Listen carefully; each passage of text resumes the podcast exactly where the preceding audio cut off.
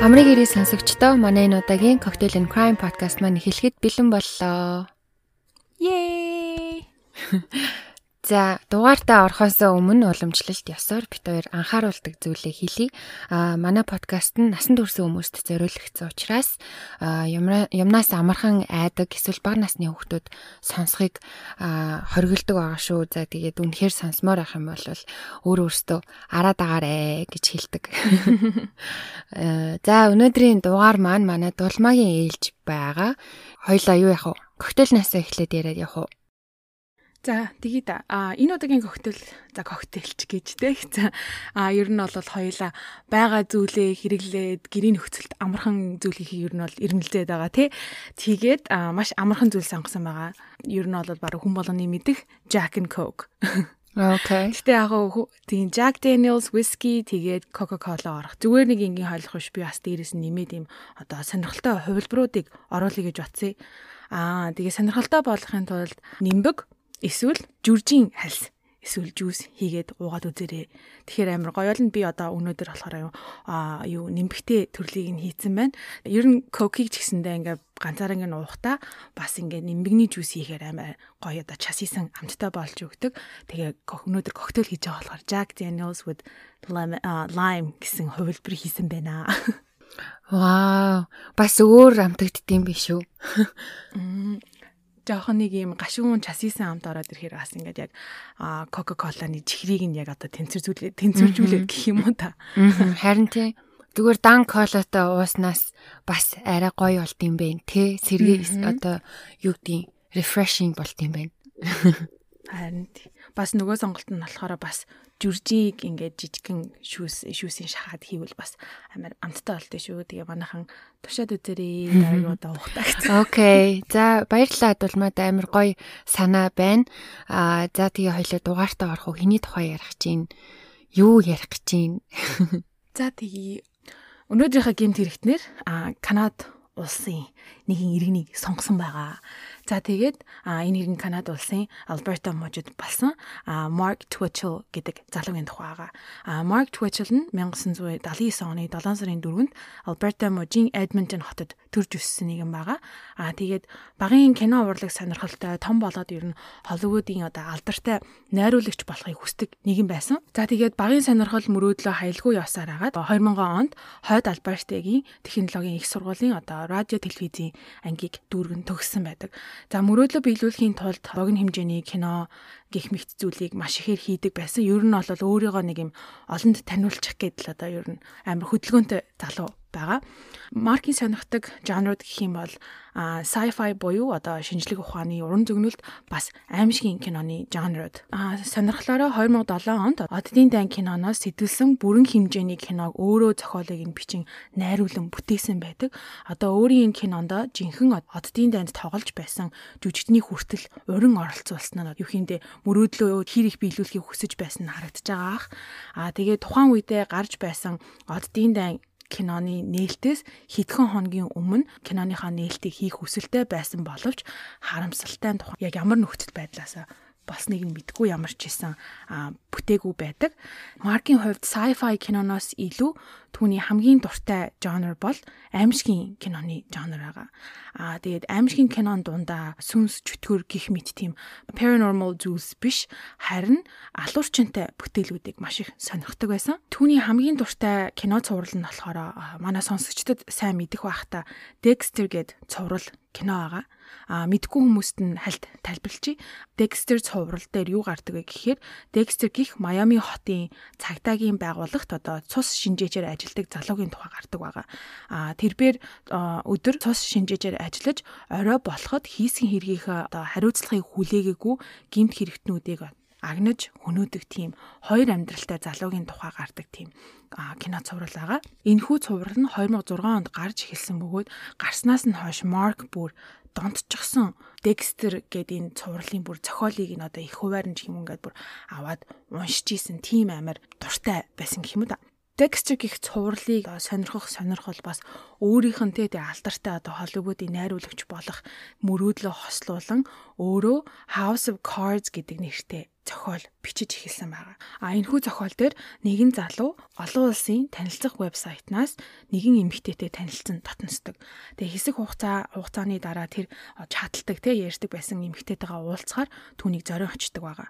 Залууг ирэхэд нөгөө танилцсан эмэгтэй бус харин онлайнаар эмэгтэй хүн болон жүжиглэж хохирогчтой олдог тийм цуврал алуурчин эрэхтэй угтаж байдаг. Тэгээ иймэрхүү өрнөлттэй кино зохиолоо бичин дуусгаж 2008 онд зураг авалтанда орсон байдаг.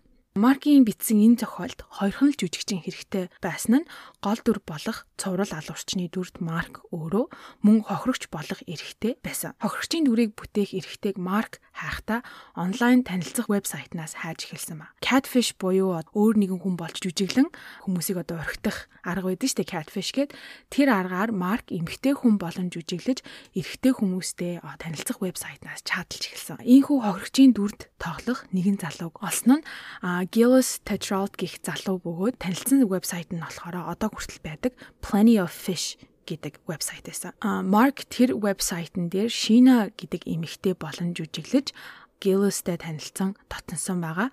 Gillis танилцсан эмэгтэйтэй уулзахаар шийдэж тэр хоёр өдрөө товлсон байдаг. А Шина гих эмэгтэй Gillis-т хэлэхдээ а манай гэрлүү орж ирэхдээ артлын одоо гаражны хаалгаар ороод ир гэж мессеж бичсэн байдаг.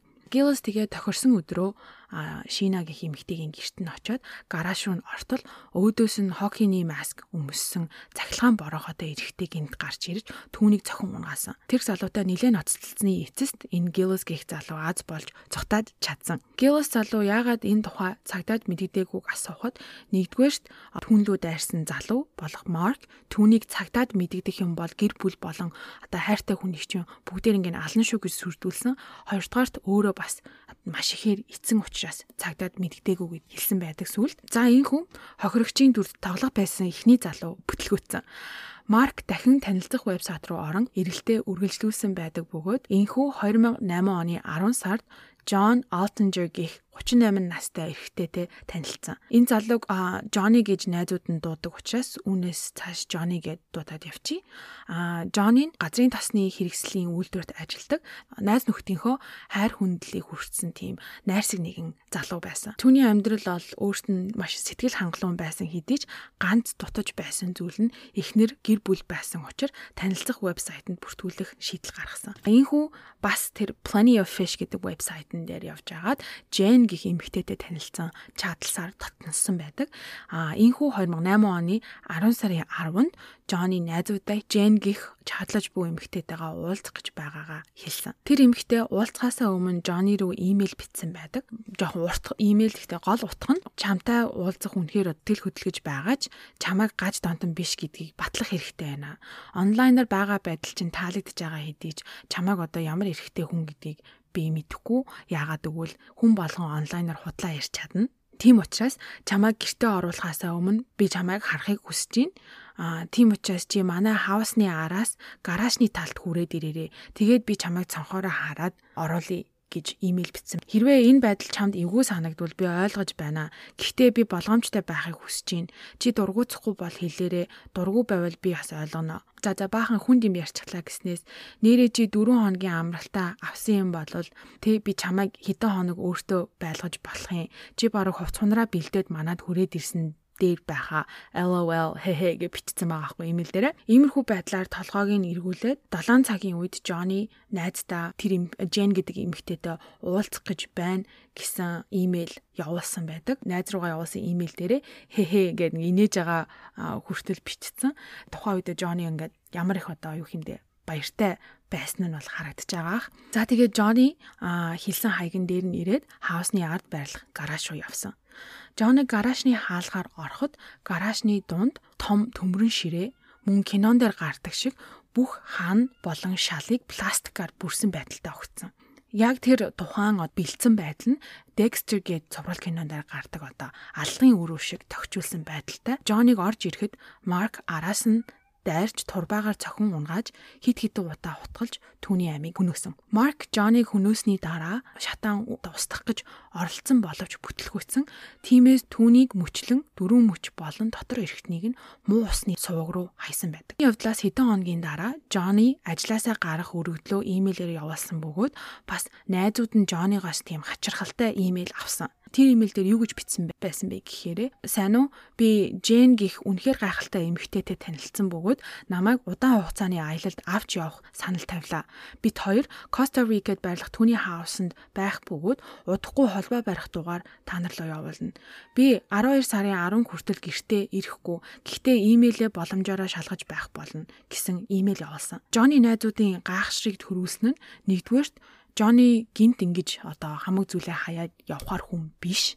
А хоёрдугаарт энэ имэйл Джонни шиг сонсогдоогүй. Тиймээс найзууд нь Джоннигийн гэрийг шалгахаар шийдэж гэртэнд нэвтрэн орсон. Гэрт нь орсон чинь хувцас хунаар тэг ингээд цүнх бүх юм хивэндээ угаагаагүй аяг хүртэл байсан. Бас хамаг юмыг ингээ шалгаад үзсэн чинь паспорт нь хүртэл гэрт нь байсан. Гэр орны байдлыг харахад удаан хугацаагаар гадагшаага бүр Канадаас бүр Коста Рика руу явсан мэт харагдаагүй учраас тэд нэр цагдаад мэдтгэхээр шийдэж алга болсон хүний хэрэг үүсгэсэн байдаг. Джонигийн алга болсон байдалтай Маркийг холбоод маш амархан байсан.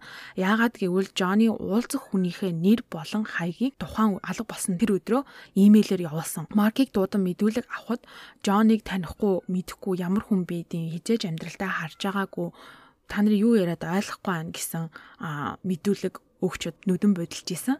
А гисэн хідэж гисэн хідэж хоёр дахь удаага мэдүүлэг авахд Марк хэлэхдээ өө тийштэй Джонни гэдэг залуугаас би нэрээ машиныг нь худалдаж авсан тэрийг санчлаа. Тэр залуу найз найз бүсгүйтэйгээ Коста Рико явах гэж байгаа учраас машинаа зарж байгаа гэсэн.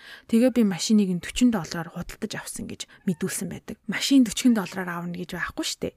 Ийхүү гинэд мэдүүлгээ солисон нь Маркийг гол с ิจ гтэн болохыг баталж өгснөөр 10 сарын 31-нд албан ёсоор Маркийг 1-р зэрэглэлийн хүн амны хэрэгт буруутган мөрдлөг түн дээр төвлөрсөн баг. Маркийг Джонигийн үхэлд буруутайг нотлох баримтуудаас хамгийн сонирхолтой нь түүний бичсэн зохиол. Одоо нөгөө Холливуудын том найруулагч түлээ зохиолч болох хүсэлтэй хүн штэ энэ чинь. За тэгээд түүний бичсэн энэ зохиолын гарчиг нь SK Confessions буюу орчуулбал цуврал алуурчны өчил. Тэгээ зохиол нь бол маш уурт мэдээж. Тэгтээ зохиол эхлэхдээ энэ түүх нь бодит явдлаас сэдвлэн бүтээгдсэн бөгөөд хэрэгтэн хамгаалахын тулд дөрүүд болон газруудын нэрийг салсан байгаа. Энэ түүхэн цуврал алуурчин болох үйл явцын түүх. Бусдын адил би шин чадвараа сориход алдаа оноо их гаргасан. Тиймээс бүр ихнээс нь эхлэе. Тэгээд чи миний яг юу ярьж байгааг ойлгох болно. Би яг хизээ хаана юунаас болж ийм зүйл хийхээр шийдснээ санахгүй байна.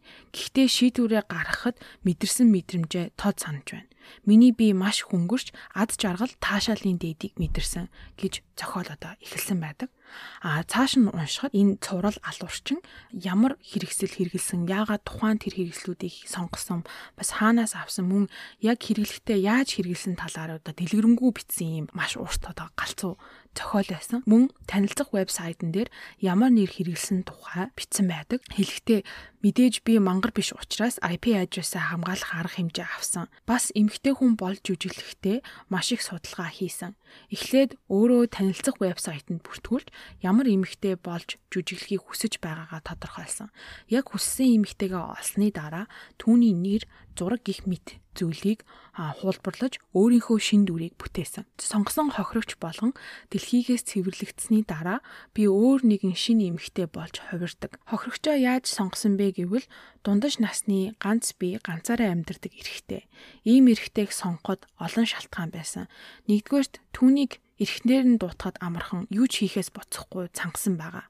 Хоёрдугаарт ганцаараа амьдардаг ганц бие эрэхтэй санхүү боломжийн байх магадлал өндөртэй. Бүх зүйл дууссаны дараа санхүүг нь би өөртөө ашиглах бүрэн боломжтой. Мөн ганцаараа амьдардаг учраас бүх зүйл дуусаж түүнийг үгүй үгүй хийсний дараа би гэрт нь орж түүний амьдралаар амьдрах боломжтой гэж бичсэн байдаг. Мөн Марк энэ үйлдэлээ хийхдээ хэрэгэлсэн бүх зүйлийн тухай бичсэн нь ангийн дэлгүүрээс агнсан ангаа боловсруулах иж бүрдэл авсан. Тэгээ зохиол дээрээ бичгтээ бодоод үзэхэд энэ явдалт яг таарсан байгаа бидтэй. том амьтныг янзлах иж бүрдэл. Тэр иж бүрдэл нь дандаа гараар янзлах хэрэгслүүд байсан бөгөөд марк бичгтээ цахилгаан хэрэгсэл нь хамаг таашаалыг үгүй хийдэг. Бодоод үздээ өөрийн гараар яс шүрмсийг нь тасалж байна гэж бичсэн эдгээр зүйлсийн одоо хамгийн аимшигтай нь хөнөөсөн хүнийхээ тасалсан толгойг аван ам амийг нь хөдөлгөж өөртөөгөө ярьж байгаа мэтээр тоглож инээж байсан талаараа битсэн байдаг зохиол дээрээ бас нэг дурдсан зүйл нь миний аллах хийсэн хутга өөр спешиал байсан. Би албаар чамин цэвэрхэн зевсгийг сонгосон нь цэргийн зэрэглэлийн ангийн хутга байсан. Хүзүүгийн цэвэрхэн хэрчээд хурдан цус алтуулан хөнөөх зорилгоор сонгосон. Би тийм зэрлэг тамалдаг залуу биш ээ. Алгын өрөөгөө бэлтгэхийн тулд хэмжээний пластик авсан бас скотч болон хогийн уут цуглуулсан байдаг. Эдгээр пластик, скотч одоо хогийн уутнууд нь бүгд байрны одоо засварын үед хэрэгэлдэг учраас бүгд heavy duty буюу одоо хүнд даацын байсан байгаа.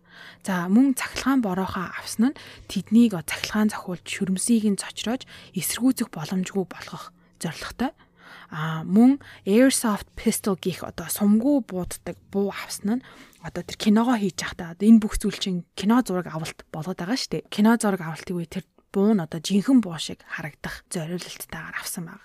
За тэгээ маркийн гэрээс олцсон гол нотлох баримт нь энэ зохиол байсан хэдий ч одоо яг нотлох баримт биш учраас түүнийг яг хэрэгтэй бол 100% холбож чадахгүй тий барьцгүй учраас. А гэхдээ маркийн машиныг шинжилгээнд оруулахад машин дотроос нь Джонигийн ДНК илэрсэн байд. А мөн хажуугаар нь машин дотор нь sticky note буюу одоо наалтдаг жижигхэн цаас байдаг шүү дээ. Тэрэн дээр одоо өөртөө зориулж бичсэн тийм сануулгууд гэх юм уу да тийм лист байсны одоо хамгийн түрүүнд нь хамгийн дээдлэлт нь бичсэн нь алгын өрөөг цэвэрлэх. Хоёр дахьт нь бичгтээ эхнэрээсээ өөр эмэгтэйтэй бэлгийн харьцаанд ор тийм нөт бичсэн байсан. Тухайн үедээ Марк эхнэр хүүхэдтэй байсан бөгөөд охин нь 9 сартай. Тэрнээс яг ингээ гаднаас нь харахад Mark Twitcher энгийн нэгэн залуу кино найруулагч болох хүсэлтэй маш хөдөлгөөнтэй богино хэмжээний кино болон бүрэн хэмжээний кино хийдэг тийм одоо хүсэл мөрөөдөлтэй сайхан гэр бүлтэй залуу байсан. А гисэн хэдий цаагуур юм гачин зохиол бичээ тэрийга бүр ингээд жинхэнэ болох гээд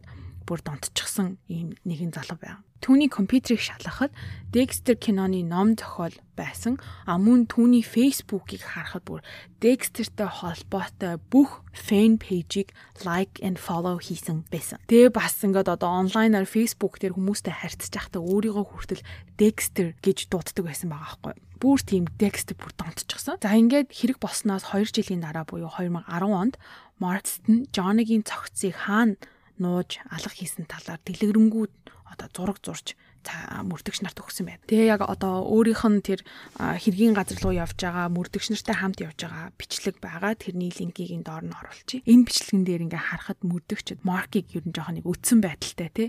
Чи өөрийнхөө түүхийг баг ингээ биччлээ дээ. Чамд одоо хүний мэс байвал Джонни гэр бүлийнхэнд нь өгч одоо энэ түүхийг дуусгах хэрэгтэй. Цогцтой цогцсгүйч чи угаасаа баригдсан. Гэхдээ гэр бүлийг нь бодоод чи Джонниг өгчөөч гэснээ тэр мөрдөгч нь Маркийг Марк юу бодон суун бэ? гэснээ хотын дундуур сүүлчийн удаа явж байгаа. Ийм хэрэг хийсэн Марк юу бодон суун бэ? чи на бодож байгаа бодлуудаа бичиж авахаа мартваа гих мэтэр амир яжилж исэн Маркийг. Тэгсэн хэдий ч Марк нэг юм ямарч гим одоо буруутай гэсэн тийм юу ах нүүрний хойруул ахгүй тий тийм зэвүүн царайтай суугаал яваадсан манахан харж байгаа. Шүүх хурлын явцад Март өөрийгөө өмөөрч хэлэхдээ Джонни над руу дайрсан учраас энэ бүх зүйлийг би бие хамгаалах гэж хийсэн а миний хүснээр төлөвснөр бол Джонни надтай уулзахаар манад ирнэ. А тех үед нь би бүх үннийг хэлэх байсан. Тэгээд Джонни уурандаа онлайнаар сошиал медиагаар миний энэ хийсэн тухай ярьж миний хийсэн богино хэмжээний киноны талаар хүмүүс шуугаж одоо алдарт хүрэх ёстой байсан. А гисэн хэдий ч Джонни ууралж над руу дайрсан учраас яах аргагүй би бие хамгаалan Джоныг хөнөөсөн гэж шүүхийн танхимд дурсан. А гисэн хэдий ч түүний одоо битсэн зохиол, гарааша бэлдсэн байдал, мөн машин дотроос олцсон ДНК гих мэт нотлох баримтан дээр үндэслэн шүүхийн танхим суух иргэдийн төлөөлөгчд түүнийг нэгдүгээр зэрэглэлийн хүн амны хэрэгт буруутай хэмээн үзэж насаараа хоригдох ялыг оноосон байна. За ингээд насаараа хоригдож 25 жилийн дараа тэнсэнгээр гарах өргөдөл өгөх боломжтой. За тэгээ шүүх хурлын явцад бас эхний залуу байна штэ Гиллес гэ тэр залуу хөнөөх гэж оролцсон учраас хүний амьд хүрэх гэж оролцсон хэрэгээр шүүхэд дуудсан боловч харамсалтай хангалттай нотлох баримт байхгүй учраас нэмэлт ял авч чадаагүй байдаг. За тэгээ ийхүү Mark Twitchell Канад улсад одоо насаараа хоригдож байгаа нэг солиотой юу солиотой aspiring кино найруулагч байна. Маркийн гэрийг нэгжиж байхад бас олцсон нэг сонирхолтой зүйл нь Profile of a Psychopath гэх 7 хуудастай хэмдээ тийм psychopath-ны намтар гэх юм уу да. Тийм одоо зүйл байсан энэ түүхийг шүүх хурлын явцад хэрэглээгүй учраас дэндүү график байсан. Тэрэн дээр бичгтээ хэрхэн ажилдаа явлаа гэж их нэртэй худлаа ярьдаг байсан. Харин үнэндээ кофе шоп суугаад одоо энэ House of Cards гэх энэ аллагын тухай те цуврал алуурчны тухай зохиолоо бичдэг байсан талаар дурдсан байсан. Бас бичгтээ би амьдралынхаа турш өөрийн л хүссэн зүйлээ хийдэг. Бусдын хүсэл бодол надад огт хамаагүй. Би гин буруу харуусал гих мэдрэмжийг огт мэдэрдэггүй. Эхнэр минь миний амьдралтаа учирсан байсан хамгийн гайхалтай эмэгтэй сайн ч ээж тэгсэн хэдий би араар нь тавьдаг. Түүнд хайргуудаа биш харин араар нь тавих тэр одоо сэтгэл хөдлөл мэдрэмжийг мэдрхийг хүсдэг учраас. Би өөрийгөө танин мэдэх явцад мэдсэн нэг зүйл нь би маш violent хүн. Намайг болон миний хайртай хүмүүсийг зовоосон хүмүүсийг хөнөөхийг би их хүсдэг гих мэт одоо өөрийгөө бараг оншилсан маягаар битсэн тийм долоон худаст тэмдэглэл гэх юм уу да зүйл байсан байгаа. Dexter гих цувралд бас маш их донцсон байсныг нь одоо илэрхийлэх нэг зүйл нь 20 ангид байхдаа 2013 оны 5 сард өөрийнхөө тэр 20 өрөөнд зурагт аван тавьж Dexter шоуны төгсгөлийг үзэж дуусгасан гэж байгаа. Одоо хүртэл 20 ангидаа зураг зурж зохиол бичиж цагийг өнгөрөөдөг.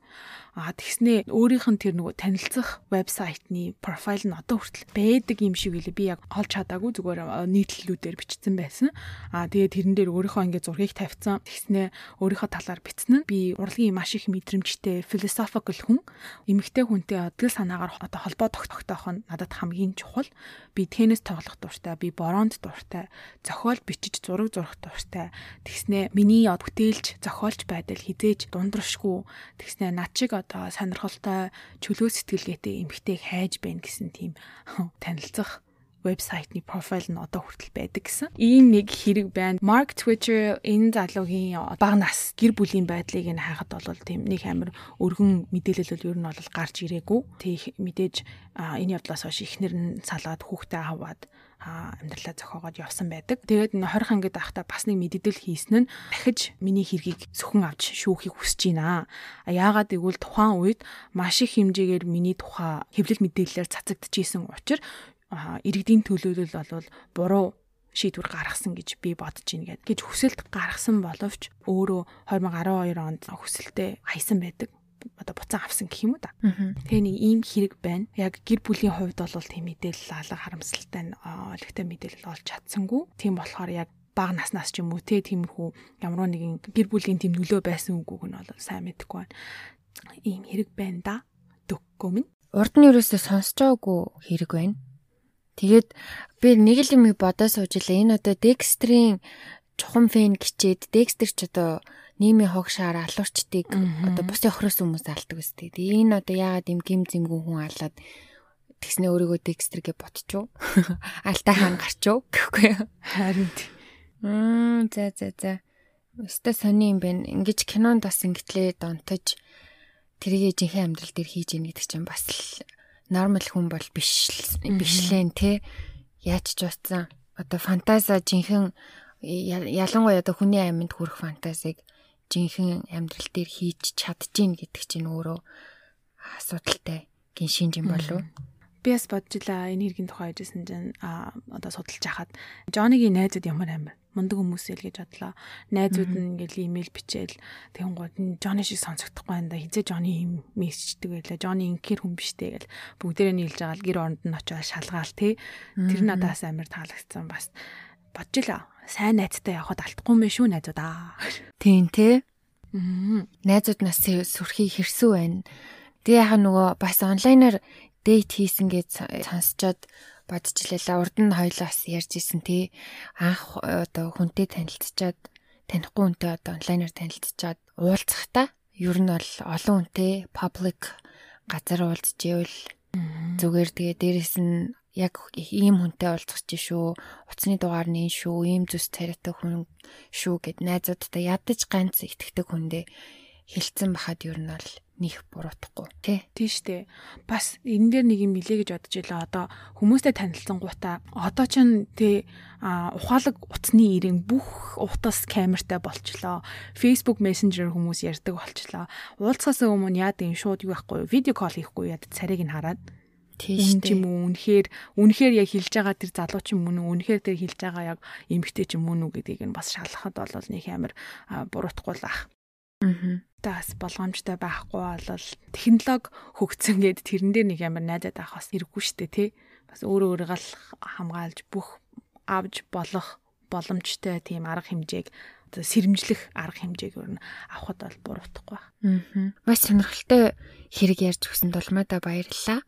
Тэгээд манай сонсогчд маань ч гэсэн нэгийг бодоод сууж байгаа хаа гэж бодож байна. Аа за тэгээ уламжлалт төсөр бит хоёр дугаартай холбоотой зураг болон одоо бусад мэдээ мэдээллүүдийг Instagram болон Facebook За Facebook одоо болчлоо мета мета илүү тийм болчихоо яач вэ? Тэгээд тавьчих. Тэгээд таад маань ороод сонирхоод үзээрэй.